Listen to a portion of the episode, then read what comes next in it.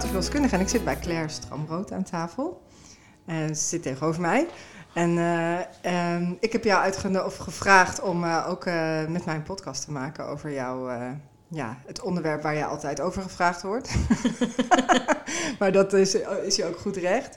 Um, en nog een kleine introductie. Ik ben Joyce Schuit, verloskundige uit Groningen. En ik heb een tijdje geleden ben ik begonnen met wat podcasts maken over allerlei onderwerpen. En um, ja, zodoende rolde ik, kwam ik een beetje in de fase dat ik graag onderwerpen wilde bespreken die mij zelf aan het hart gaan, die ik gewoon zelf heel erg graag zou willen bespreken. Dus los van uh, uh, een voorlichting uit de praktijk. Of, uh, maar, en toen kwam jij aan bod, Claire. Hartstikke leuk. Ja, jij was, jij was meteen enthousiast, hè? Je dacht ja. van, dat doe ja. ik wel. Ja, zeker. Ik vind het heel leuk om, nou ja, sowieso van gedachten te wisselen, maar ook om uh, dit onderwerp verder op de kaart te krijgen. Ja, want uh, kan je jezelf, wil je jezelf even introduceren? Vind ja, je dat, zeker. Goed? Ja, ik ben uh, Claire Stramrood. Ik ben gynaecoloog, moeder van twee kinderen. Um, en ik doe al heel lang onderzoek naar bevallingservaringen, traumatische bevallingservaringen, PTSS na de bevalling. En eigenlijk steeds meer opgeschoven richting de preventiekant. en dat is ook eigenlijk een beetje waar mijn expertise ligt.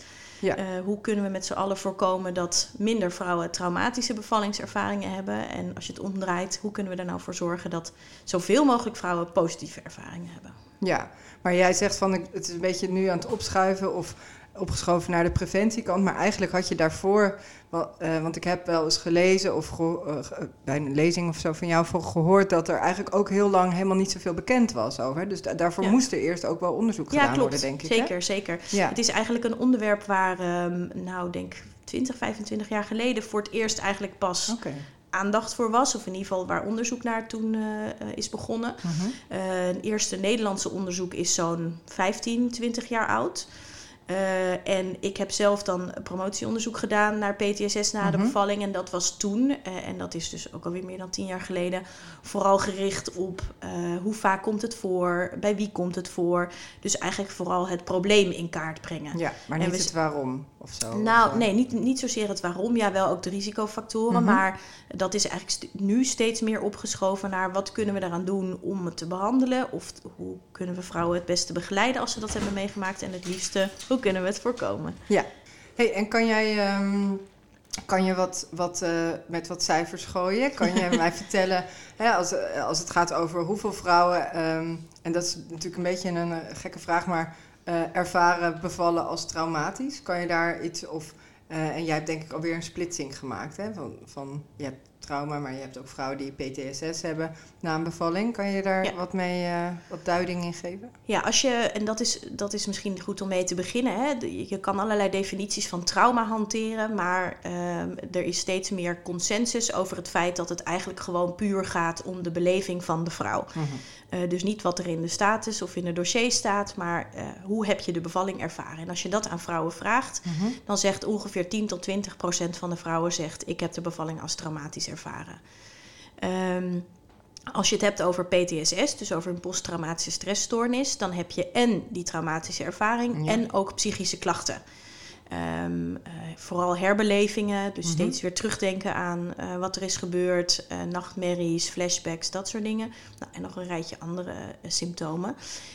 Um, en dat, hè, dus en het trauma en dus die psychische mm -hmm. klachten daarna, dat, dat geldt voor ongeveer 1 tot 3 procent van de vrouwen. Van die Nee, van alle vrouwen. Van alle vrouwen. Ja, ja, dus als je het een beetje omdraait, zou je kunnen zeggen: van de vrouwen die een traumatische bevallingservaring hebben, ontwikkelt ongeveer 10% PTSS. Ja. ja, en als je kijkt naar hoeveel bevallingen er in Nederland per jaar uh, zijn, dan gaat het toch best wel wat uh, cijfer, hè, best wel aardig wat aantallen ja. dan, hè? Ja, ik vind het altijd in absolute aantallen wat heftiger klinken ja. nog dan hè, 1%, 3%.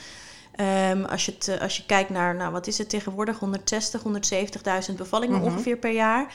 Daar 1 tot 3 procent van, dat zijn gewoon een paar duizend vrouwen per jaar. Ja. En als je kijkt naar traumatische bevallingservaring, dus 10 tot 20 procent, nou, dan heb je het zo 20, 30.000 vrouwen. Ja. Dat zijn echt enorme Enorm. aantallen. Ja, hey, en kan jij ook, uh, uh, dat is, uh, kan je zeggen van dit is een beetje de top drie van de oorzaken van dat trauma. Kan je dat over een grote lijn, of is dat heel specifiek? Uh, nou, het is sowieso heel persoonlijk. Ja. Uh, maar we hebben wel onderzoek gedaan.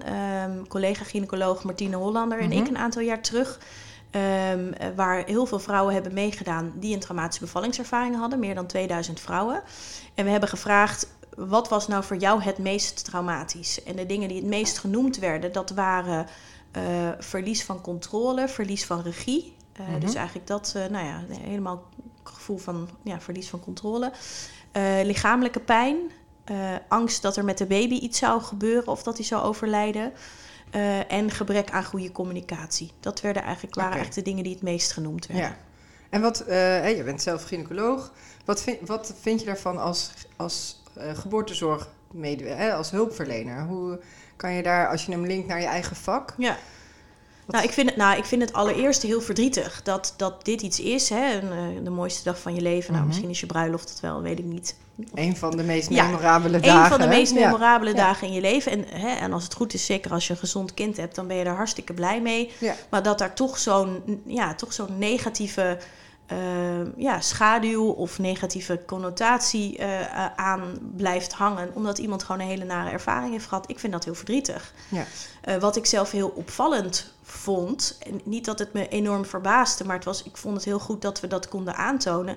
Er is heel lang gedacht dat hè, we ons vooral eigenlijk moesten richten op de, vrou- met, op de vrouwen die uh, de meest uh, ernstige medische complicaties, heftige interventies, uh, bijna doodgebloed, nou, noem maar op. Ja. Dat, dat dat eigenlijk de grootste risicogroep was. Um, en nou, eigenlijk zie je uit dit onderzoek naar voren komen, en niet dat dat onbelangrijk is, maar dat het uiteindelijk voor heel veel vrouwen vaak veel meer impact heeft hoe de dingen gaan dan wat er precies is gebeurd. Ja. Uh, dat je dus ook als je niet op een keizersnede rekent of als je veel meer bloedverlies hebt dan gemiddeld, dat je een hele nare ervaring kunt hebben, maar dat, dat, ook, hè, dat, dat er ook genoeg vrouwen zijn die zeggen: Goh, hè, het werd allemaal heel duidelijk uitgelegd en ik heb me geen moment uh, alleen of ja. uh, in paniek of wat dan angstig ook gevoeld, gevoeld. of angstig. Ja. Um, uh, dus dat vond ik wel een eye-opener. Uh, en, en, ik denk dat, ook, dat dat ook wel goed is, uh, nou ja, dat dat, dat steeds meer bekend is, ook Ja. onder zorgverleners. Van, Ja. kijk niet alleen maar naar wat er in de staten staat of iemand zijn, ja, iemand zijn voorgeschiedenis Ja. of wat er medisch gezien allemaal is gebeurd. Maar dat vooral die ervaring zo belangrijk is. Ja. En um, ik moet ook meteen denken aan bijvoorbeeld de vrouw die eigenlijk op papier heel vlot, of misschien wel te, maar in ieder geval een hele snelle bevalling heeft. Hè? En, um, uh, en dat je op papier denkt van nou, dat was toch uh, volgens het boekje of nog sneller dan het boekje. En dat is toch mooi meegenomen, want als je zo'n bevalling hebt. Hè, terwijl vrouwen daar soms zelf heel um, heftig op kunnen terugkijken. Hè? Ja. Dat ze echt zeggen van nou, maar ik ben gewoon, het was een soort lawine, ik ben, ben over. En dat, terwijl... Um, uh, niet dat het dan per se een trauma is, maar als het gaat over een heftigheid van Ja. een, een bevalling en hoe die uh, landt en in je systeem komt hè, als herinnering, dat dat niet, inderdaad helemaal niet zoveel zegt over wat er op papier staat van, qua complicaties Ja. of uh, ingrepen, hè, interventies of zulke soort dingen. Ja, dat is eigenlijk precies de andere kant, Ja. hè, wat jij beschrijft. Op papier is het volgens het boekje, of in ieder geval niet zo heel veel bijzonders. Ja, Uh, en toch kan iemand daar een hele, nou ja, hele heftige ervaring of hele intense ervaring Ja. ehm, uh, kan dat zijn. ja, Ehm, hè, wat, wat, natuurlijk, wat natuurlijk wel goed is om je te realiseren, is dat het voor bijna iedereen heftig Ja, en intens is. is ook dus een de, de norm is gewoon, Ja. het, hè, voor de meeste vrouwen, Mhm. het, duurt, het doet pijn, eh, het is spannend. eh, ja, nou ja, goed. Het, Ja. Het, is, het is gewoon heftig. Ja. Wat jij zegt van uh, het verschuift naar, de, naar uh, het onderzoek en de dingen die we weten naar de, de preventie. Um, wat kunnen, hoe, kunnen we dat, uh, hoe kunnen we dat aanvliegen? Dat, wat kunnen we doen aan preventie? En dat is een um, hele brede vraag, ja. want het gaat over hulpverleners, zoals ja. gynaecologen en verloskundigen, maar ook over zwangeren zelf natuurlijk. Uh, maar laten we, uh, nou, laten we bij de zwangeren beginnen. Vind je dat een goede? Ja, nee, dat, is, dat is zeker goed. Um, hè, sowieso denk ik is het goed om onderscheid te maken tussen verschillende momenten waarop je iets aan preventie kunt doen. Mm -hmm. um, uh, en zeker voor zwangeren geldt dat, dat in de zwangerschap je enorm veel kunt doen om je voor te bereiden op uh, nou ja, wat je te wachten staat, om het maar even zo te zeggen. tijdens de bevalling een klein beetje en daarna Mhm. denk ik ook een klein beetje. Maar eh, ik denk dat de, de, het belangrijkste wat, wat zwangere vrouwen zelf kunnen doen, eh, is zich voorbereiden op de bevalling. En ik denk met name dat het heel zinvol is om je voor te bereiden op verschillende scenario's.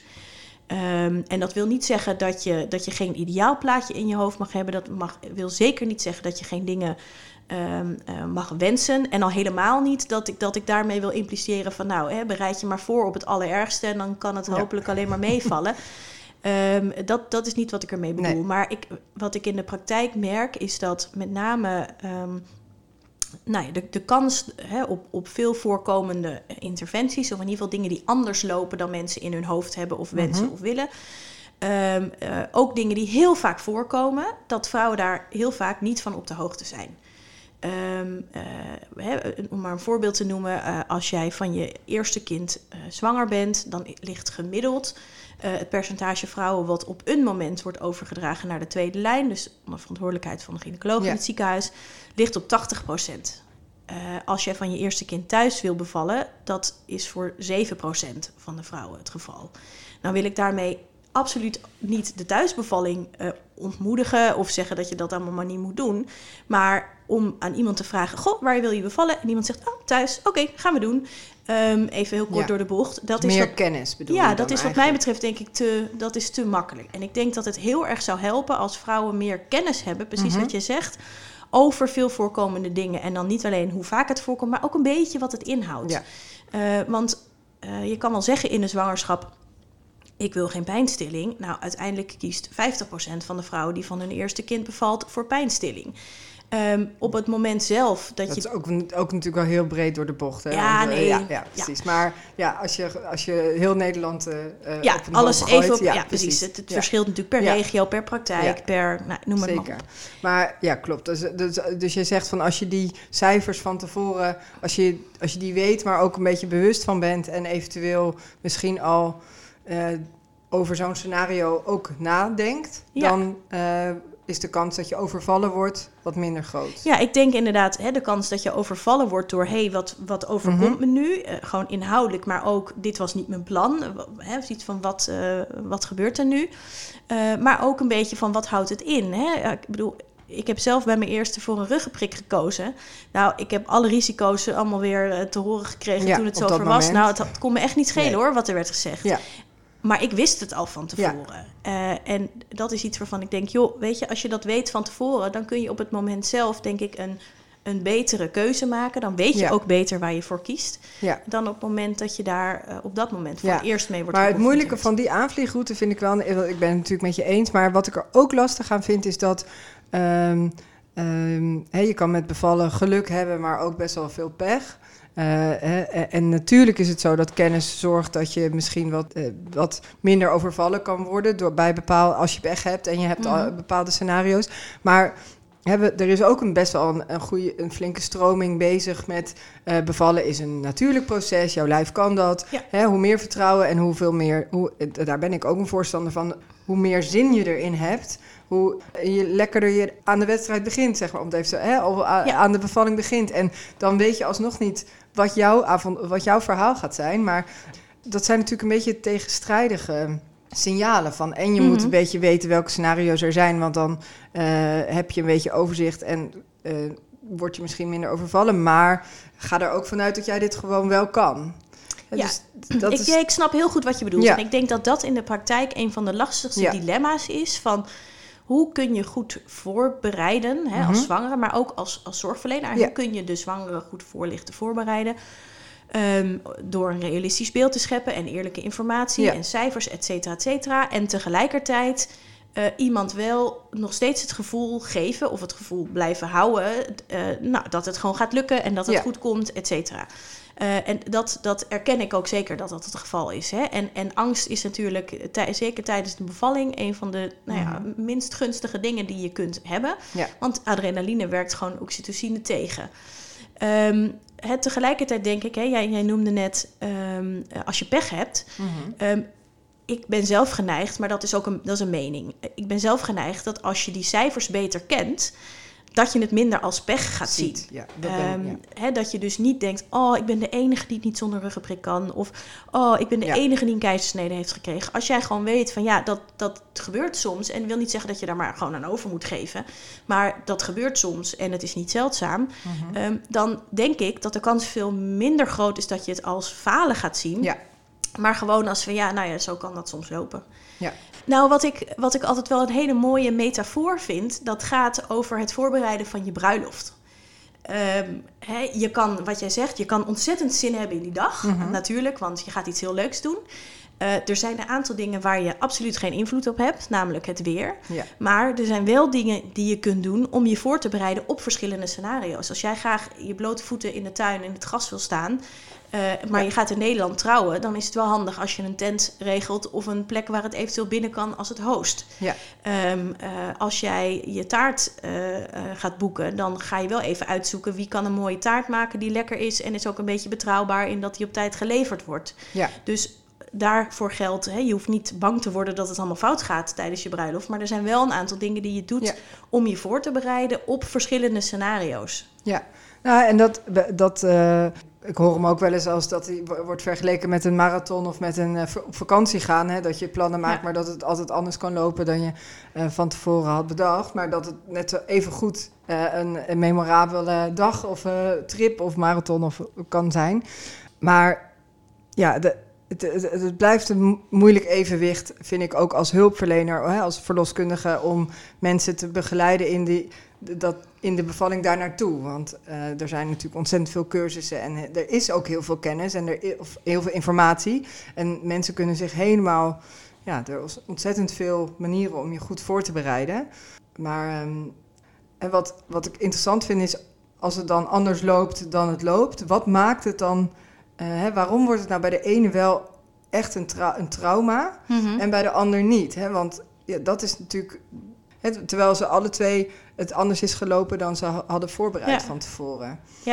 Nou ja, dat, dat heeft met heel veel verschillende dingen te maken. Hè. Dan heb je het eigenlijk ook over risicofactoren.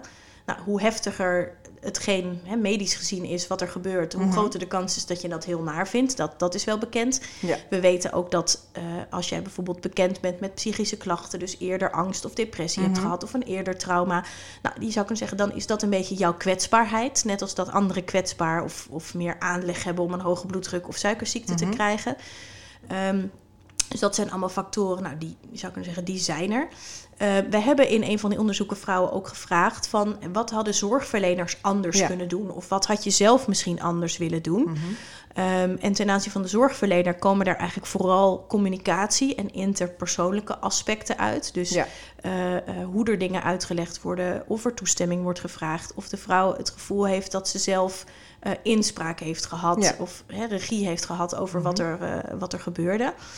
Ehm, eh, en vrouwen ge- geven zelf aan dat ze soms eh, de bepaalde eh, handelingen of interventies hadden willen vragen of weigeren, of zich toch anders of beter hadden willen voorbereiden. Ja. Ehm, dus dat, zijn, ja, dat is eigenlijk wat er een beetje wat er uit naar voren komt. Dat wil niet, natuurlijk niet zeggen dat als je dat allemaal doet, Dat ehm, het dan niet geen trauma kan worden. dat het dan, ja, dat het dan geen trauma Nee. kan worden. Maar ik denk toch vooral dat ook het, nou, het onverwachte. Eh, eh, en het feit dat, dat dingen soms ehm, nou, minder duidelijk zijn eh, of duidelijk worden uitgelegd. en dat vrouwen er ook naar hun idee te weinig bij worden betrokken. Zo van er is over mij besloten Ja. in plaats van met mij. dat, dat, heel, nou, dat dat heel naar kan zijn. Hey, en wat kunnen wij als, als gynaecoloog en verloskundige doen? Of niet doen? Eh, nou ja, ik denk voor een deel, hè, dan kom ik weer terug, voor een deel dat stukje voorbereiding en voorlichting. Waarbij ik denk ook nog goed is dat het, dat het ehm, belangrijk is om te realiseren. Dat kun je natuurlijk op allerlei verschillende manieren doen. Hè? Als iemand bij jou komt die zegt, nee, ik ga thuis bevallen. En jij lacht een beetje zo van, nou, dat gaan we nog wel eens even zien. Weet je hoe Mhm. groot die kans wel, of hoe klein die kans wel niet is. Dat is natuurlijk een ultieme manier om iemand zijn zelfvertrouwen onderuit te halen. Maar als Ja. jij gewoon zegt van, hè, net, als dat, net als dat je dat voor andere dingen doet, is het goed om even na te denken over wat zou er anders kunnen lopen dan ideaal of dan gewenst. Mhm. Wat houdt dat een beetje in? Daar hebben we het over. Nou, dan weet je dat ook weer. Eh, net als dat je je voorbereidt en de hydrofiele luiers en de, de doeken vast eh, in huis haalt voordat je baby eh, Ja. geboren wordt. Dan, dan is het meer een normaal onderdeel van nou ja, wat er gebeurt. Ja. Ehm, ik denk dat het, uh, dat het goed is om nog meer. Um, ja, voor, ja, om je nog meer bewust te zijn van, van het belang van communicatie en taal tijdens de bevalling. Uh, en dat dat ook in hele kleine dingen kan zitten. Dus hè, over dingen mogen en dingen uh, niet mogen of moeten. Mm over uitleg, niet alleen dat je dingen gaat doen, maar ook waarom. Hè? Als je binnenkomt en zegt, nou, we zijn twee uur verder. Ik ga eens even kijken hoe het ervoor staat. Uh, doe de deken maar omhoog, bewijs van mhm. spreken. Uh, dan is er wel duidelijk wat je bedoeling is, maar eigenlijk niet waarom kom je nu, waarom kom je na twee uur en al helemaal niet vindt die vrouw het ook goed dat je dat, je dat doet.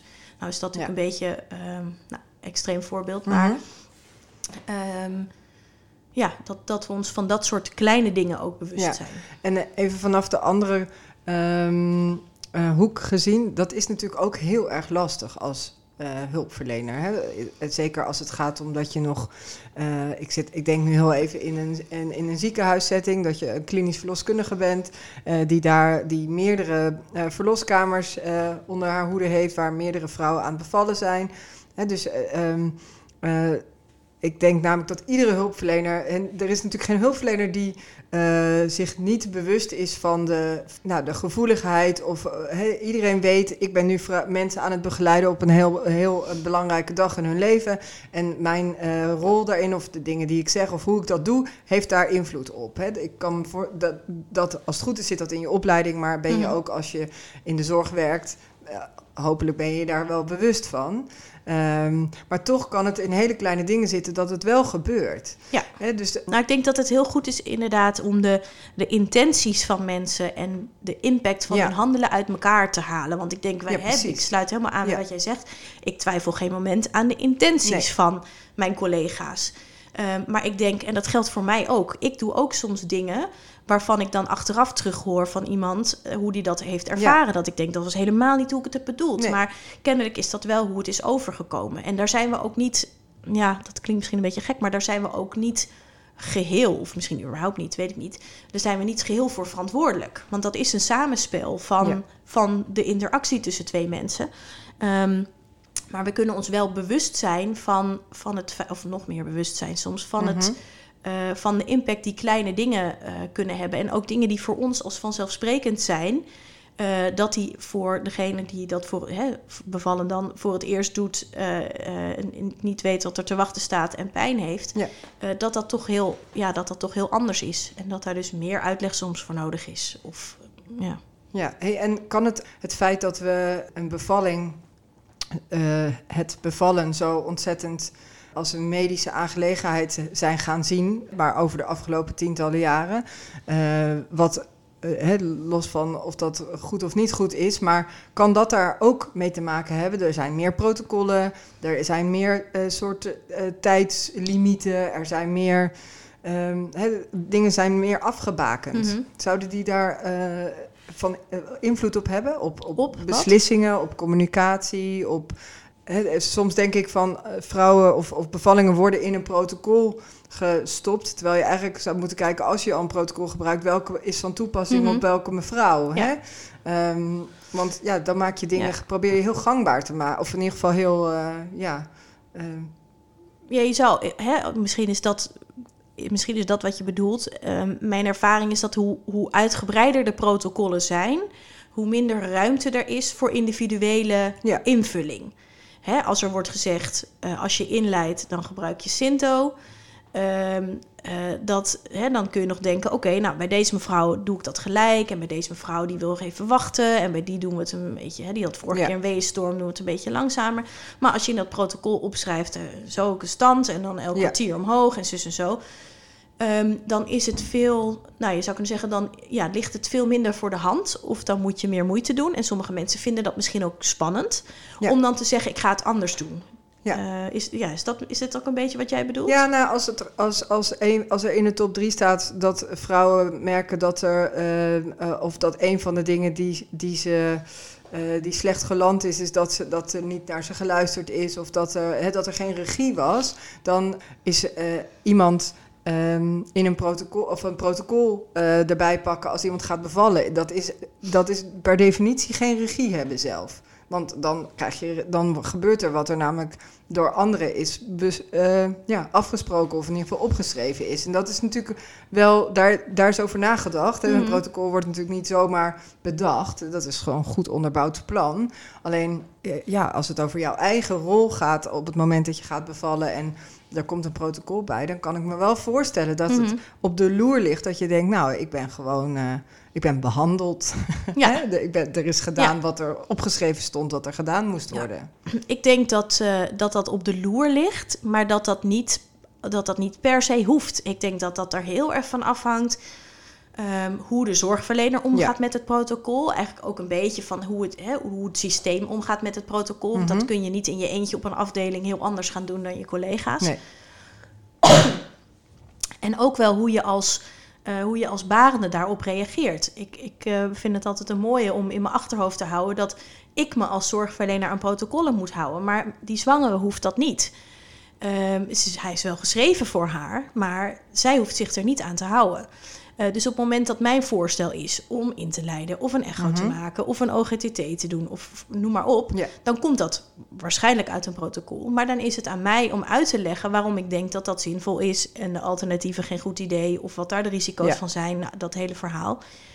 Um, en dan nog, als ik, dat, als ik dat op een goede manier doe, kan die vrouw heel erg het gevoel hebben dat zij zelf de regie heeft. Want ze is goed geïnformeerd en er is een keuze, of, of er is een heel duidelijk advies gegeven en daar staat ze achter. Mhm.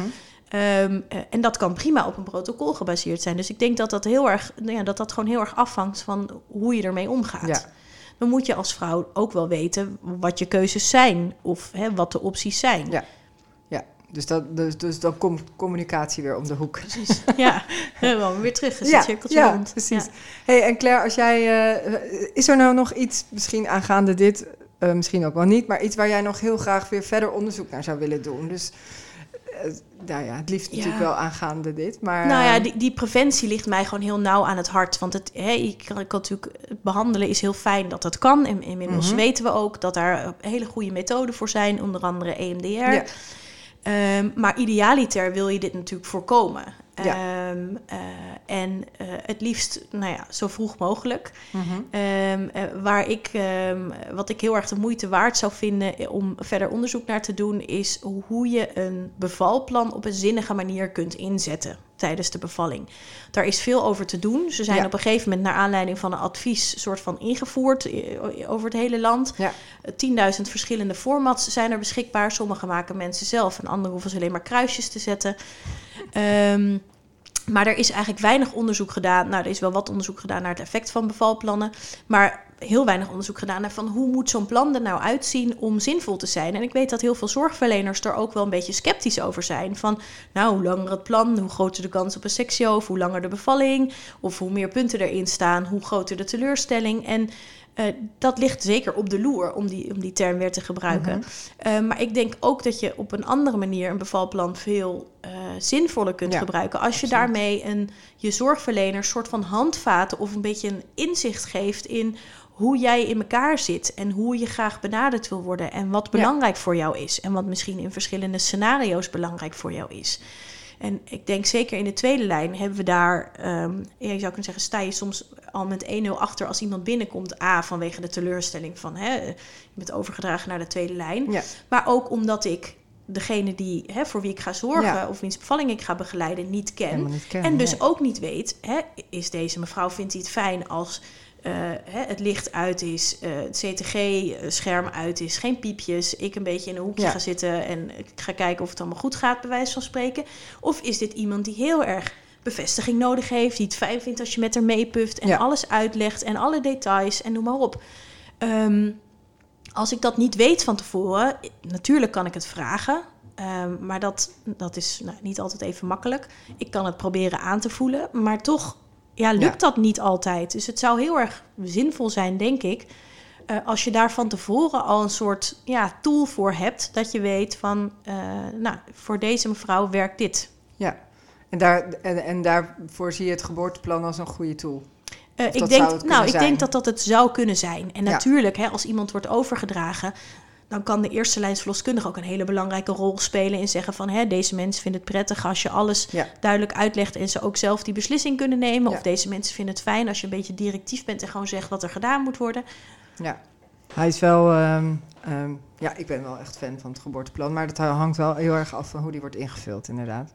Hey, en ehm, als het eh, gaat toch over het opleiden van eh, verloskundigen en gynaecologen, is er nog iets wat jij mist of wa- waarvan jij zegt, nou, om het, het, het voorkomen van eh, traumatische bevallingen, eh, of in ieder geval als daar die preventie bij de zorgverlener, zou daar nog iets kunnen gebeuren? Dus in de opleiding of... eh, Ehm, ja, dat is een nou, een goede vraag. Kijk, eigenlijk denk ik dat voor alle dingen waar we het net over hebben gehad, dat het Mhm. goed is als die in de opleiding aan bod komen. Uh, als daar aandacht voor is. Want er is heel veel aandacht voor, hè, voor ziekten. En er is Ja. ook wel aandacht voor communicatie. Maar om specifiek deze punten te, bes- te bespreken. Ja. Ehm, ik mag eh, twee keer per jaar altijd lesgeven op de Verloskunde Academie in Amsterdam en Groningen. En daar komen dit soort dingen aan bod. En ik ben ook heel blij eh, dat daar ruimte voor is. Eh, eh, en ik denk dat je, ehm, dat je eh, ook wel praktijkervaring moet hebben voordat je het over dit soort dingen gaat hebben. Want dan weet je wat Mhm. ermee wordt bedoeld. Ja.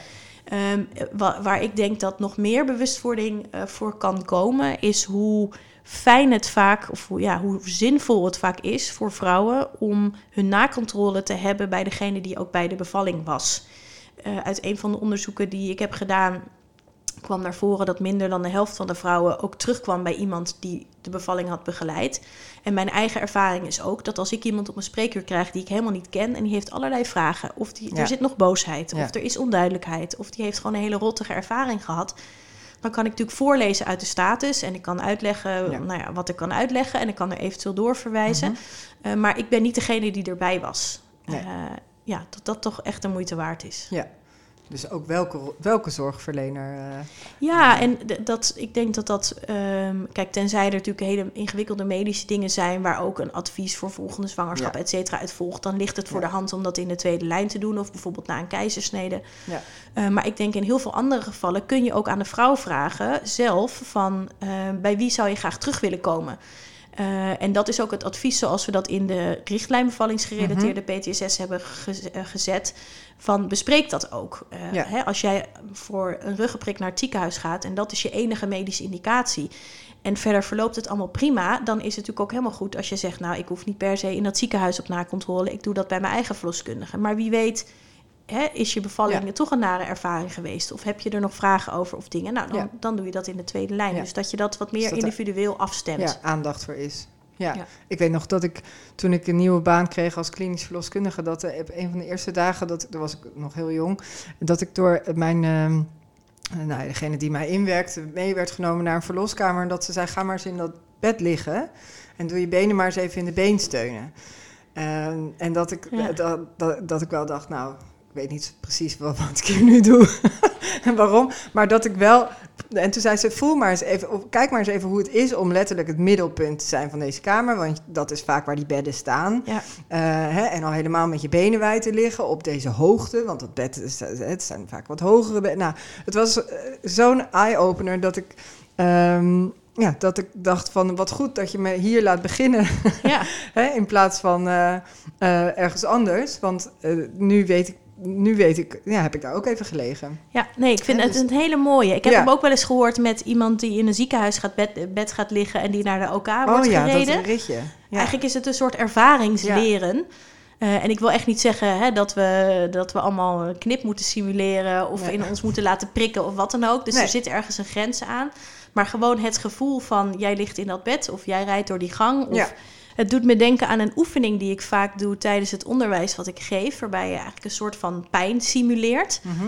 Eh, en dan aan mensen hè, bepaalde opdrachtjes geeft en kijkt van hè, hoe kun je nou jezelf afleiden van die pijn of hoe kun je die pijn beter Mhm. managen. Want dat is eigenlijk ook wat we vrouwen in bevallingsvoorbereiding willen, willen meegeven.